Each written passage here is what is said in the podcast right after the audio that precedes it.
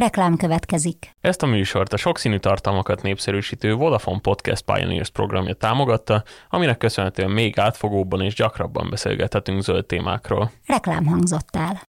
Nem csak a nyári hőhullámok, hanem adott esetben olyan téli vagy télies jellegű szélsőségeknek a gyakorisága is változhat, amelyek pont azt mutatják, hogy nem szabad egy adott helyen megjelenő néhány napos nagyon hideg periódusból arra következtetni, hogy itt akkor megfordult a folyamat, vagy egyáltalán ez a globális felmelegedés, ez lett, hogy nem is igaz.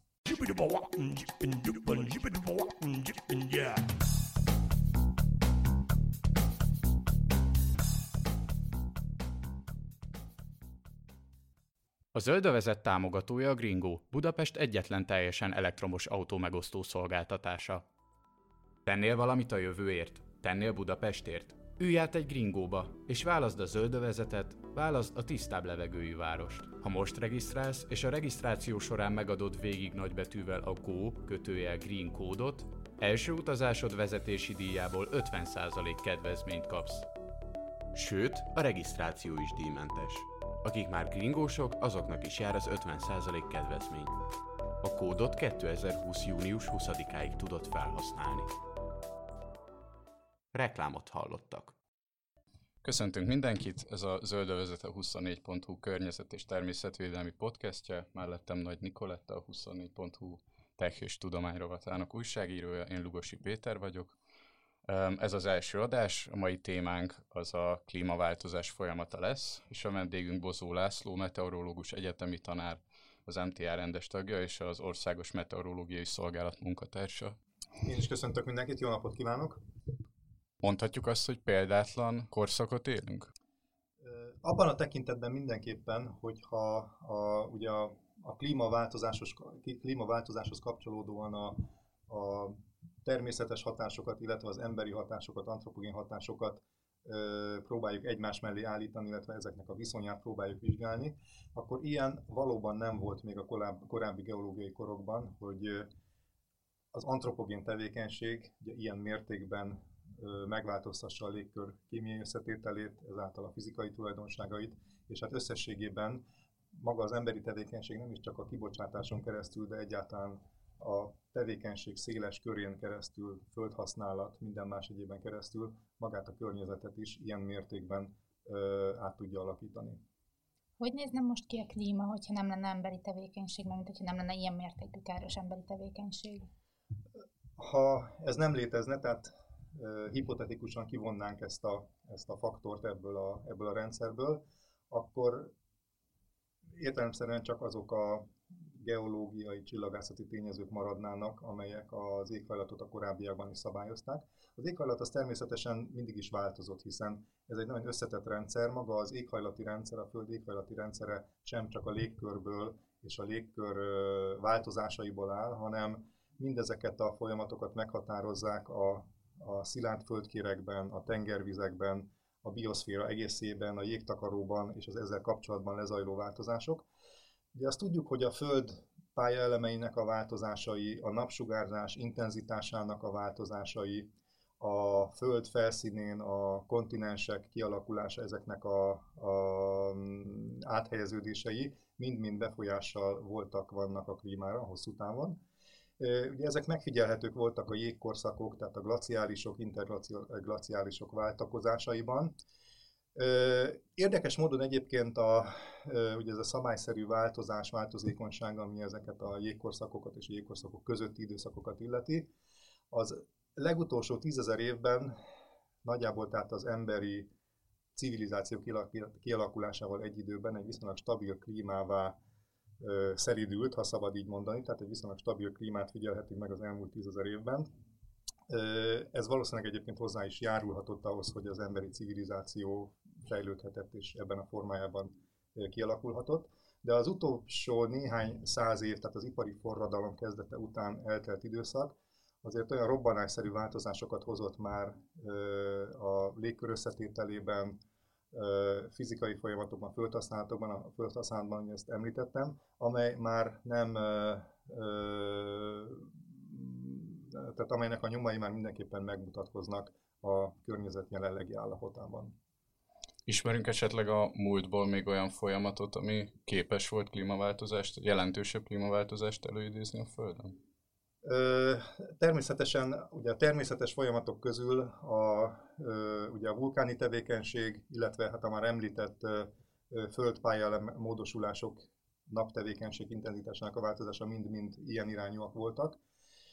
Tudni kell azonban az, hogy egy-egy ilyen folyamat önmagában nem feltétlenül indukálja azokat a mértékű változásokat, amelyeket megfigyelünk. Ez egyébként most is így van, tehát maga a széndiokszid, antropogén széndiokszid kibocsátás önmagában nem eredményezne ekkora hőmérsékletváltozást, de a rendszer bonyolultsága, a benne lévő kölcsönhatások, az úgynevezett visszacsatolásokon keresztül, ezek a folyamatok erősödhetnek vagy gyengülhetnek, attól függően, hogy ez egy pozitív vagy negatív visszacsatolás.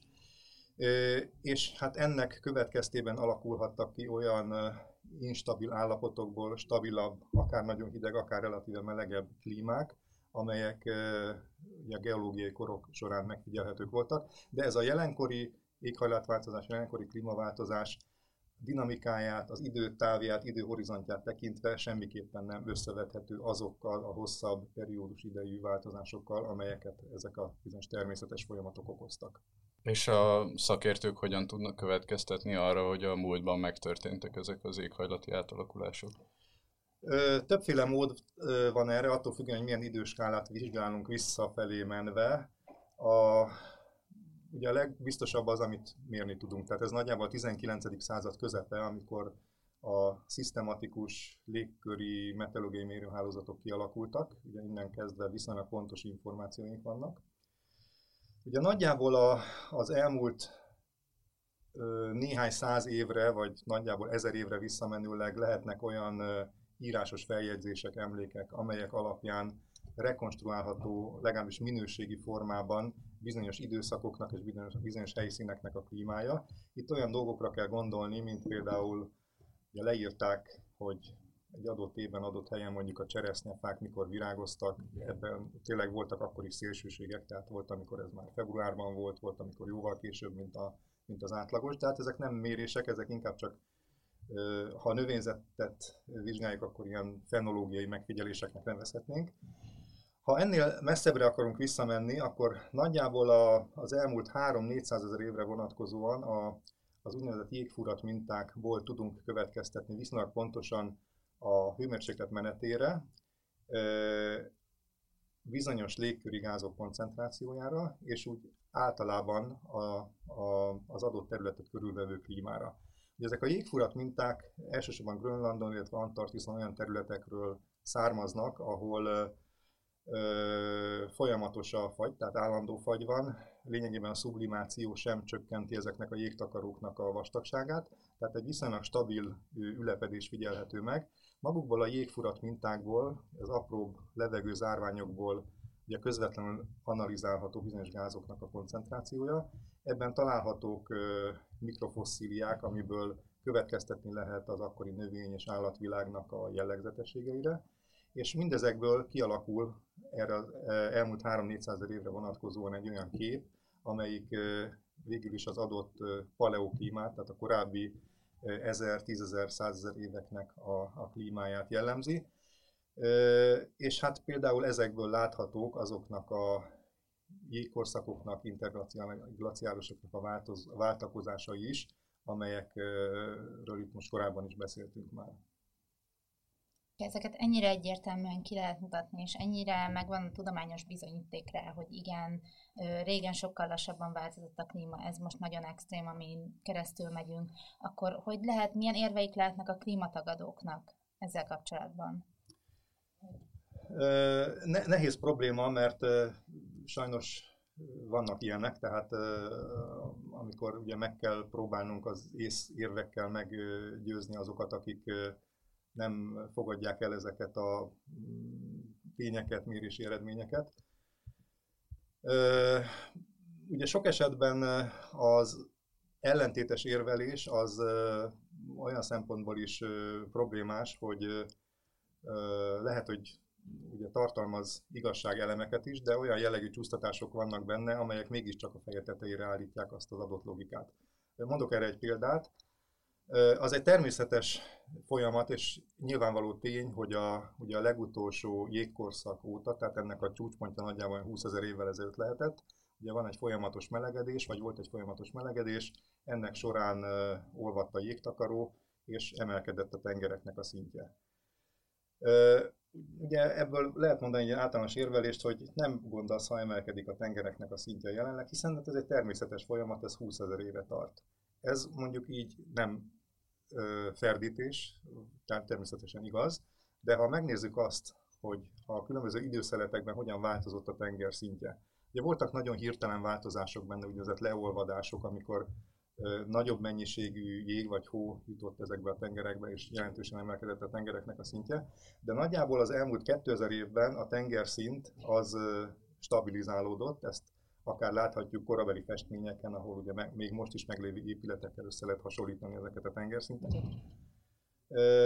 De nagyjából az 1900-as évek eleje óta olyan változás volt ennek az emelkedésnek a dinamikájában, hogy ez mindenképpen azt mutatja, hogy itt valami más faktor, egy más tényező is szerepet játszik ezekben a változásokban, és ez már semmiképpen nem lehet annak a lassú folyamatnak a folytatása, amely, amit említettem egyébként is már egy, egy stabilizálódott tengerszintben végződött.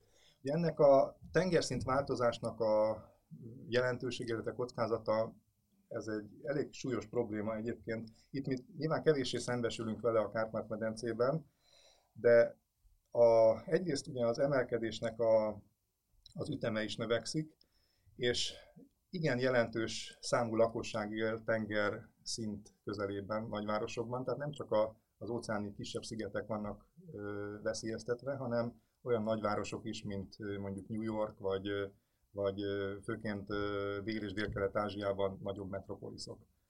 És akkor ugye arról még nem is beszéltünk, hogy Európában Hollandiának egy jelentős része már most is tengerszint alatti, tehát itt a tengerszint emelkedés az mind, mind egy többlet műszaki kockázatot jelent arra nézve, hogy hogyan lehet a jelenleg művelt és lakott területeket ugyanilyen biztonságban tartani a, a későbbiekben is.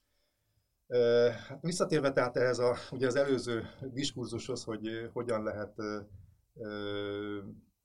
mégiscsak meggyőzni, vagy, vagy hogyan merülhet fel egyáltalán kérdésként, hogy az emberi tevékenység az vagy nem befolyásolja az éghajlatot, vagy pedig ugye vannak olyan érvek is a természettudományos érvekkel szemben, hogy Hát persze befolyásolja, de van egy olyan önszabályozó mechanizmusa magának a földrendszernek, vagy az éghajlati rendszernek, amely úgyis kompenzálja ezeket a folyamatokat, tehát nem kell igazából erre időt, energiát és főként pénzt fordítani, hogy ezeket a általunk károsnak nevezett változásokat visszafordítsuk.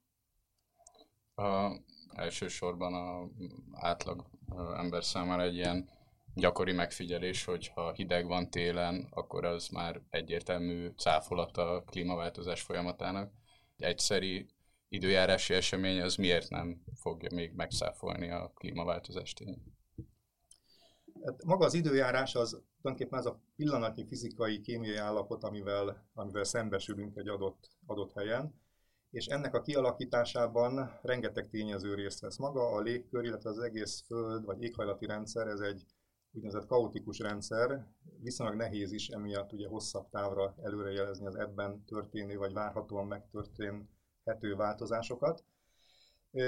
Ezzel szemben az éghajlat az egy ugye adott régióra, adott térségre, vagy akár a teljes földre egy hosszabb időskálán, rendszerint 30-50-100 évre vonatkozó átlagos értékeket jelöl, amikor is Várhatóan már különböző szélsőségek kiátlagolódnak ez, ezen hosszabb időtartam alatt, tehát egyfajta ö, hosszabb távú vagy klimatikus jellemzést lehet adni ezáltal egy-egy adott régióra vonatkozóan.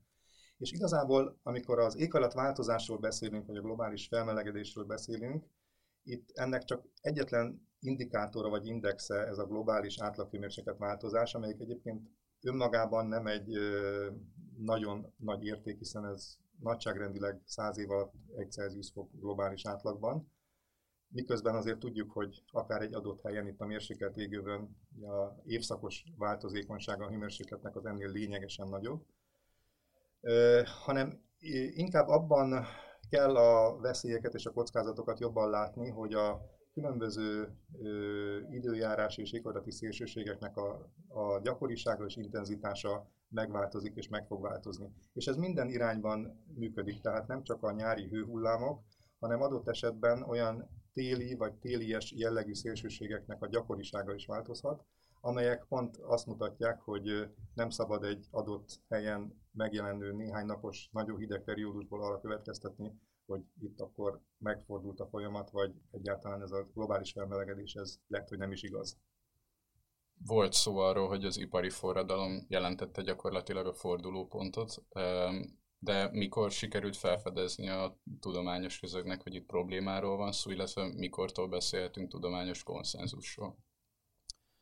A magát, ha azt az éghajlat változási problémakört vizsgáljuk, akkor úgy gondolom, hogy a tudomány az már ugye jó néhány évtizede ismeri azokat a folyamatokat, kiváltókokat, magyarázatokat, amelyek ugye mozgatják ezeket a rendszereket. De ha a tudomány történetileg nézzük, akkor a 19. század első harmadában Fourier, aki egy matematikus volt egyébként, de, de azt hiszem őt lehet elsőként említeni, aki az üvegház hatásnak a, egyáltalán a létezését vagy jelentőségét föltárta és leírta. És a 19. századnak a végén Arrhenius nevéhez köthető talán konkrétan annak a laboratóriumon is igazolt hatásnak a megértése, megismerése, amely kimutatta, hogy a széndiokszid az egy üvegházhatású gáz, és hát ennek megfelelően az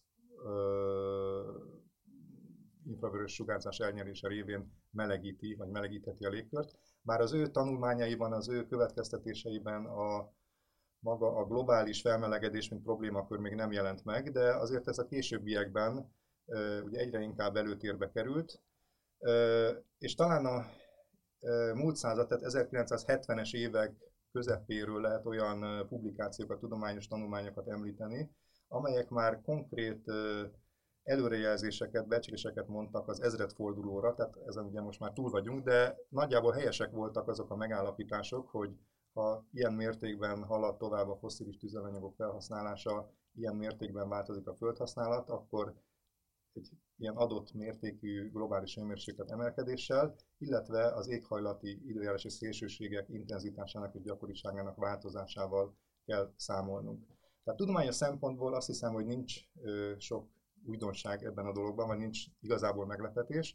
Talán az elmúlt egy-két évnek a pozitív változása, hogy a, ez most már a közbeszédben is egy fontosabb problémakör lett. Úgy tűnik, hogy sokan és egyre többen megértik azt, hogy ez egy olyan globális probléma, amelyet, hogyha nem kezelünk megfelelően, tehát akár a kiváltó okoknak a visszaszorításával, tehát a mitigációnak a, a, a, az elő, előrelendítésével, vagy másik oldalról az alkalmazkodási képességnek a növelésével, akkor itt nem csak szűkebb régiók, szűkebb népcsoportok fognak ö, ö, sokkal rosszabb helyzetbe kerülni, hanem globálisan ma már ugye a nagy ö, és nagyon szoros összefüggésben működő ö, földi, technológiai, társadalmi, gazdasági folyamatok is nagyon jelentős sérüléseket szenvedhetnek.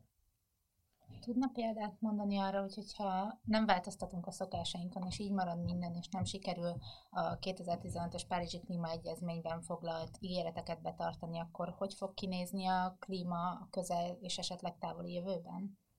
Extremitásokra gondolok, ahol tényleg nagy probléma lesz, és, és komoly gondokra kell számítani.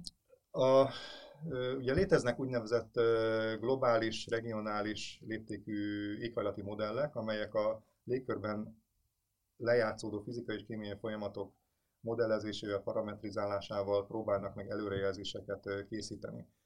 Természetesen nagyon mások a következmények, a várható következmények a Föld különböző régióiban, ami itt a mérsékelt övet illeti, vagy mondjuk ezt a itt szűkebb körünkben itt az európai régiót.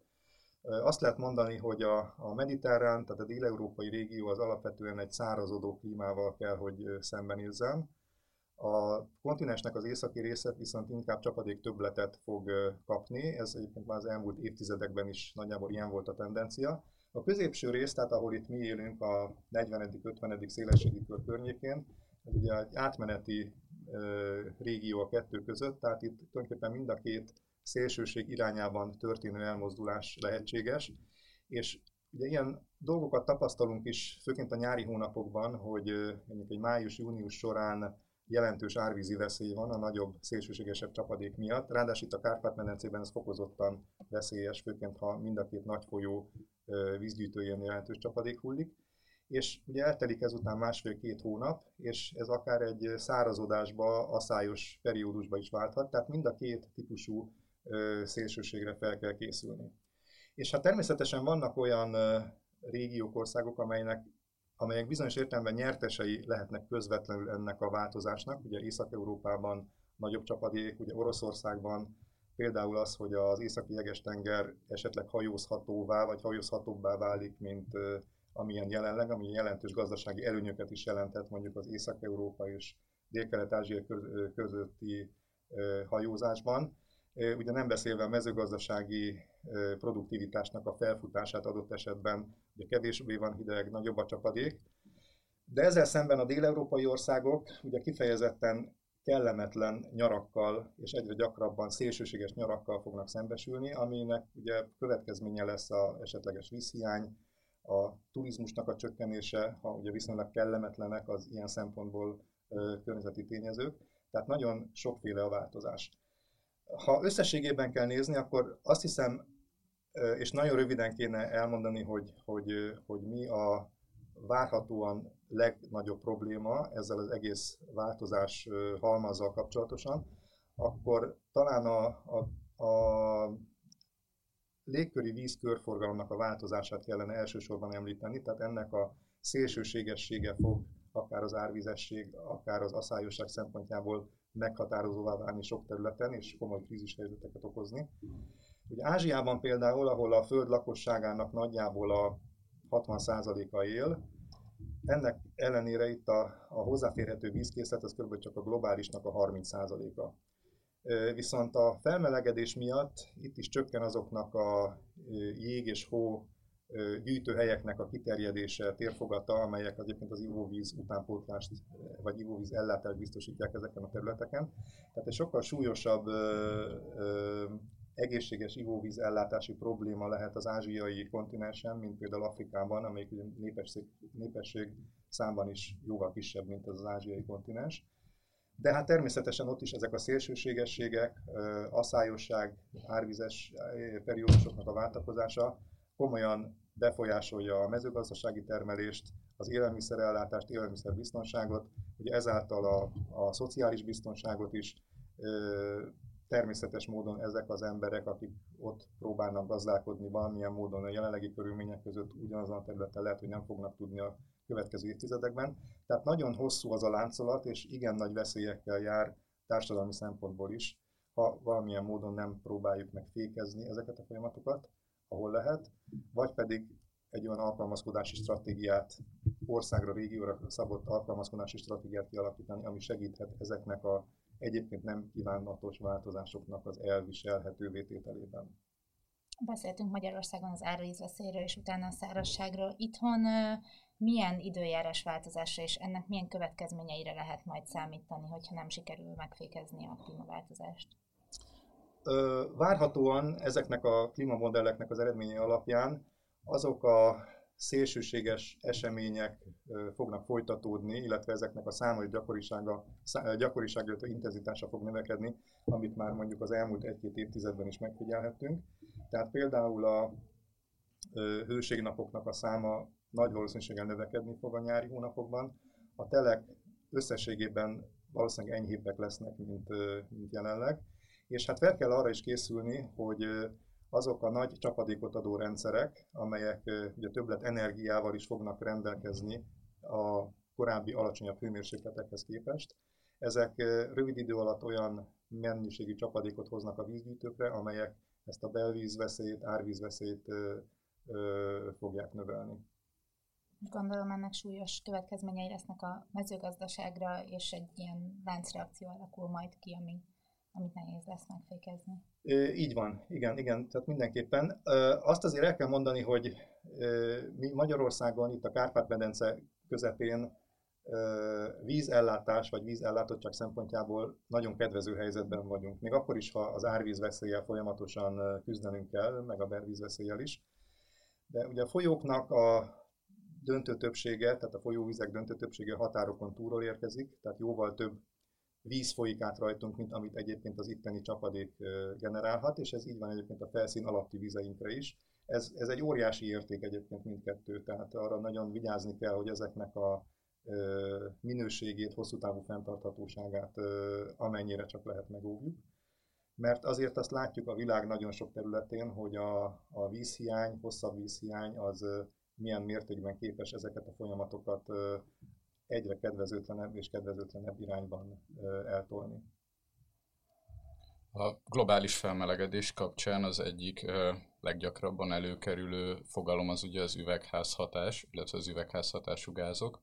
Ezt tudjuk, ugye a átlag hírfogyasztó is találkozhatott vele, hogy a metán, a széndiokszid, az mind hozzájárult a bolygó felmelegedéséhez de pontosan hogyan kell elképzelni ezt a folyamatot, illetve milyen természetes kibocsátók lehetnek, hiszen itt elsősorban ugye az iparról szoktunk beszélni, mint kibocsátóról.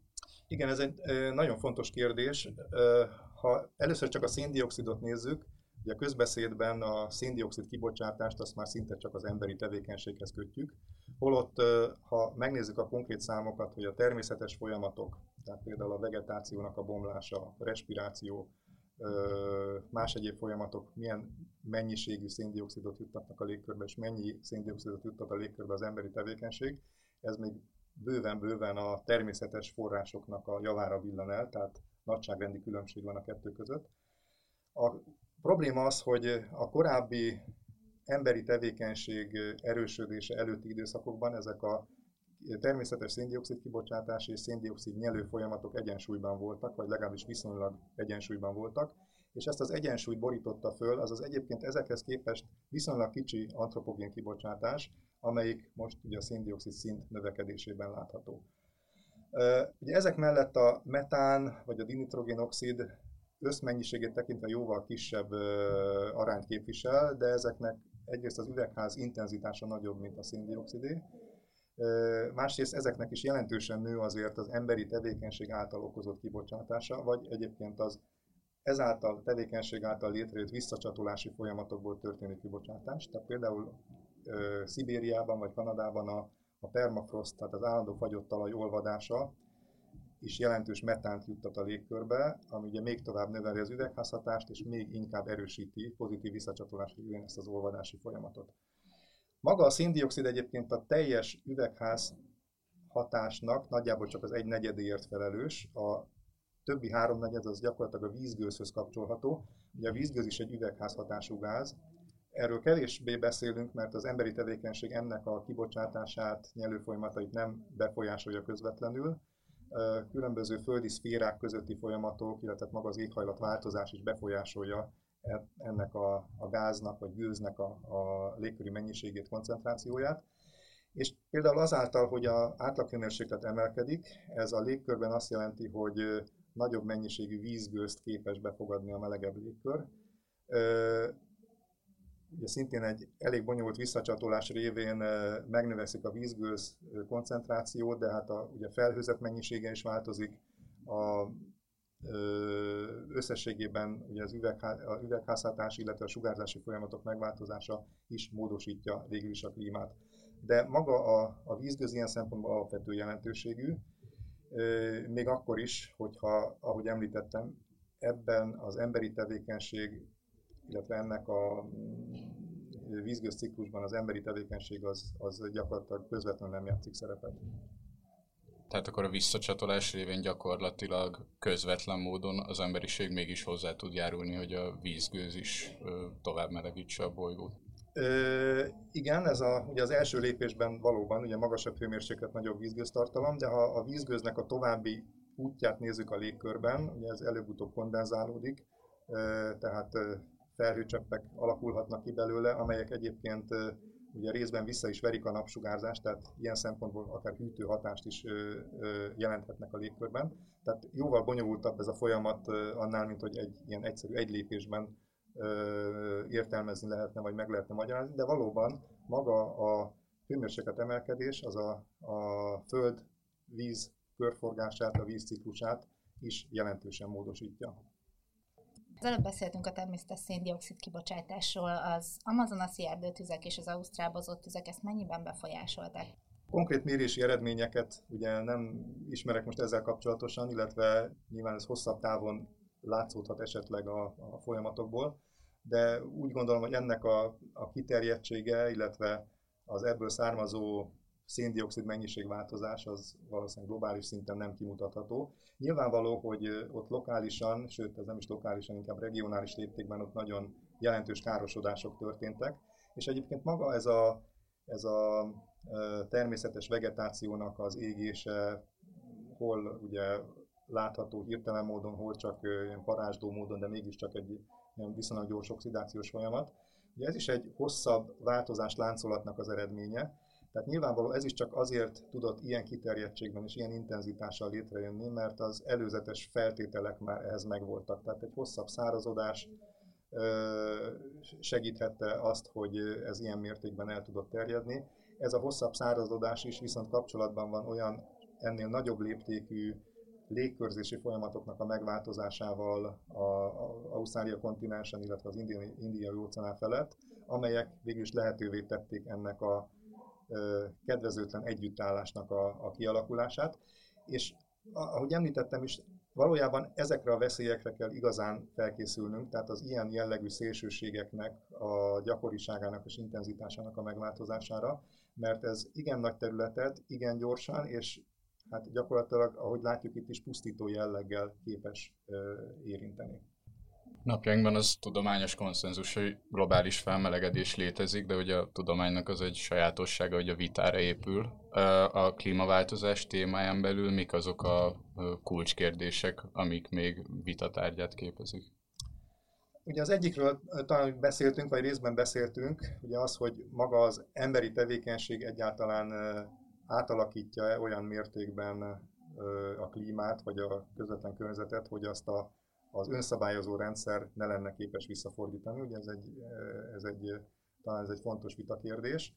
Ugye a másik az, ami ennél talán egy ugye nehezebb probléma, az, hogy egy-egy adott szélsőséges helyzet, időjárási helyzet vagy hidrológiai helyzet, az mondjuk köthető-e magához az éghajlatváltozáshoz. Ez természetesen egy-egy adott esetben nehéz, vagy nem is lehet megmondani, de hogyha a folyamatokat hosszabb időskálán összerendezzük, megnézzük ezeknek a sajátosságait, akkor azért azt lehet mondani, hogy elég sok szabályszerűséget láthatunk ebben.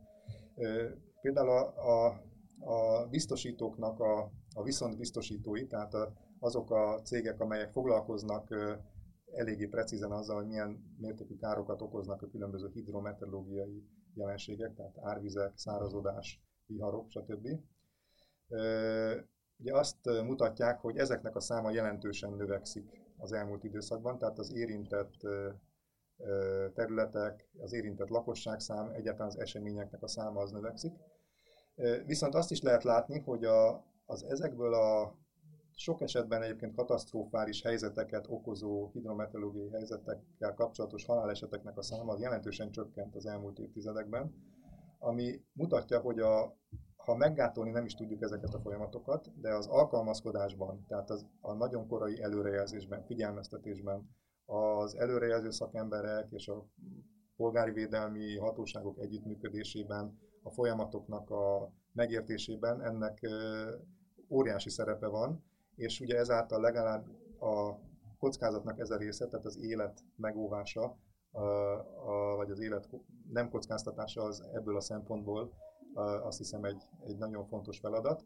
És egyébként ebben a, ugye például az információ technológiának is nagyon fontos, illetve ennek a fejlődésének is nagyon fontos szerepe van.